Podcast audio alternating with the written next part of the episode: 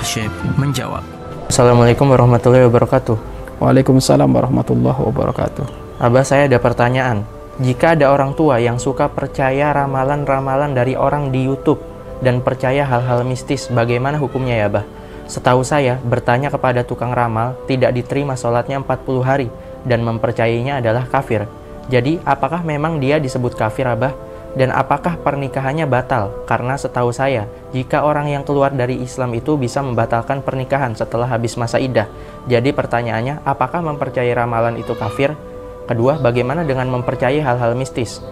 Tiga, bagaimana status pernikahannya jika dari dulu dia suka percaya ramalan-ramalan karena itu sudah pasti lewat batas waktu masa idah. Empat, jika orang tersebut sholat, kan di dalamnya ada kalimat syahadat. Apakah sudah dianggap Islam kembali? Mohon jawabannya Abah. Wassalamualaikum warahmatullahi wabarakatuh. Waalaikumsalam warahmatullahi wabarakatuh. Mempercayai ramalan-ramalan ini juga termasuk adalah hal-hal yang melanggar batas-batas keimanan dia kepada Allah Subhanahu wa taala.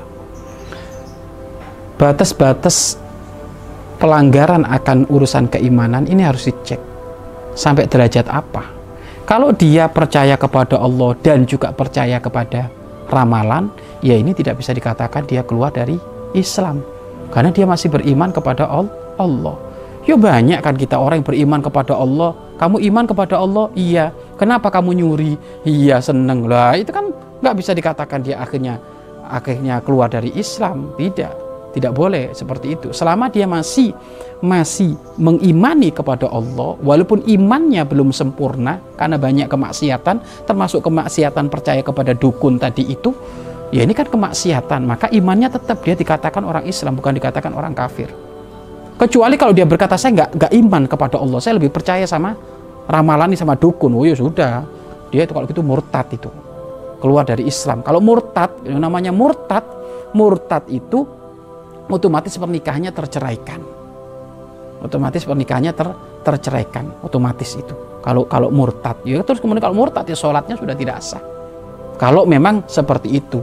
Kalau ternyata dia hanya percaya juga kepada ramalan, dan juga iman kepada Allah. Kamu beriman kepada Allah, beriman. Tapi kamu gimana dengan zodiak itu? Ya percaya. Ya ini berarti dia maksiat, asi dia itu. Orang yang ber, beriman tapi bermaksi, bermaksiat sama seperti hanya ya tadi itu dia ngaku beriman kepada Allah tapi nggak mau menjalankan sholat, nggak mau menjalankan so, sholat ya dosa dia. Tapi dia tetap dikatakan orang yang beri, orang-orang yang beri, beriman Walaupun ada ulama mengatakan kalau sampai diyakini benar, nggak percaya akan adanya sholat, nggak wajib itu ya dia keluar dari wilayah keimanan. Maka otomatis itu nanti dia dia dihukum, uh, di, di, di, dipenggal kepalanya dan dikubur bukan di kalangan orang-orang Islam. Kenapa? Karena dia tidak meyakini sholat wah, wajib. Otomatis dia mur, murtad. Kalau memang seperti itu. Itu yang pertama. Namun kalau ternyata dia hanya memang ya tadi itu, hanya percaya percaya gitu saja percaya tapi masih tetap iman kepada Allah maka otomatis ya otomatis. Pertanyaan tadi sangat banyak. Oke lah anggap sekarang gini saja. Anggap anggap dia itu beriman dan percaya kepada ramal. Yang jelas ini adalah keimanannya ternodai dosa maksiat dia salah dia. Segera tobat kembali kepada Allah. Tidak boleh kayak gitu. Tidak ada apa pun yang melatah di muka bumi ini kecuali semuanya karena ketentuan Allah bukan ketentuan ramalan itu. Orang ramal itu banyak bohongnya. Ramal itu tipu-tipu. Nggak ada sudah, nggak ada percaya itu. Nggak usah percaya sama ramalan-ramalan itu. Dan memang diancam ibadahnya tidak diterima. Orang yang orang yang percaya kepada dukun itu amalnya tidak diterima. Amalnya tidak diterima, bukan dikatakan dia dia adalah orang-orang kafir selama dia masih mengimani kepada Allah kepada Allah Subhanahu wa taala. Satu. Ini Kedua, kalau memang dia nggak percaya sama Allah tapi percaya sama dukun, ya otomatis dia murtad. Lu kalau sudah murtad, otomatis murtad tadi itu otomatis istrinya itu terceraikan. Otomatis karena murtad ya, istrinya terceraikan. Satu. Kemudian sholatnya sudah tidak sah lagi. Tidak sah dia melakukan sholat. Kenapa? Dia kalau harus melakukan sholat, otomatis dia harus syahadat dulu dan syahadatnya orang murtad gara-gara urusan keimanan kayak gini ini syahadatnya ini harus wade harus jelas diumumkan. Kenapa? Karena di situ ada penodaan kepada kepada Allah Subhanahu wa taala. Artinya apa? Di saat dia mengucapkan syahadat harus mengatakan bahwasanya saya tobat, saya mengucapkan kedua dua syahadat dan saya tidak meyakini perdukunan, tidak meyakini adanya paranormal, macam-macam itu saya nggak yakin, itu semuanya bohong. Harus ada kalimat kayak gitu. Harus ada kalimat kayak gitu. Kenapa? Karena dia keluar imannya itu sebab sebab-sebab paranormal ini, sebab-sebab mempercayai ini maka otomatis di saat nanti syahadat dia harus ada ada iktiraf, ada ada ishar, harus ada ada apa?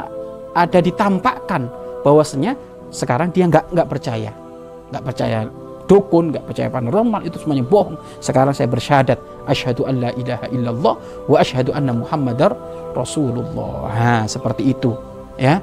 Namun kalau tadi saya melihat ceritanya Insya Allah ini orang masih beriman, tapi imannya tadi ternodai. Jadi dia maksiat, masih percaya dengan dengan dengan apa? Dengan dengan ramal tadi. Maka tinggal dinasehati, dinasehati. Kalau dia masih beriman kepada Allah, ya otomatis sholatnya masih sah. Kemudian istrinya tadi tidak terceraikan, ya tetap tetap tetap dihukumi orang is Islam.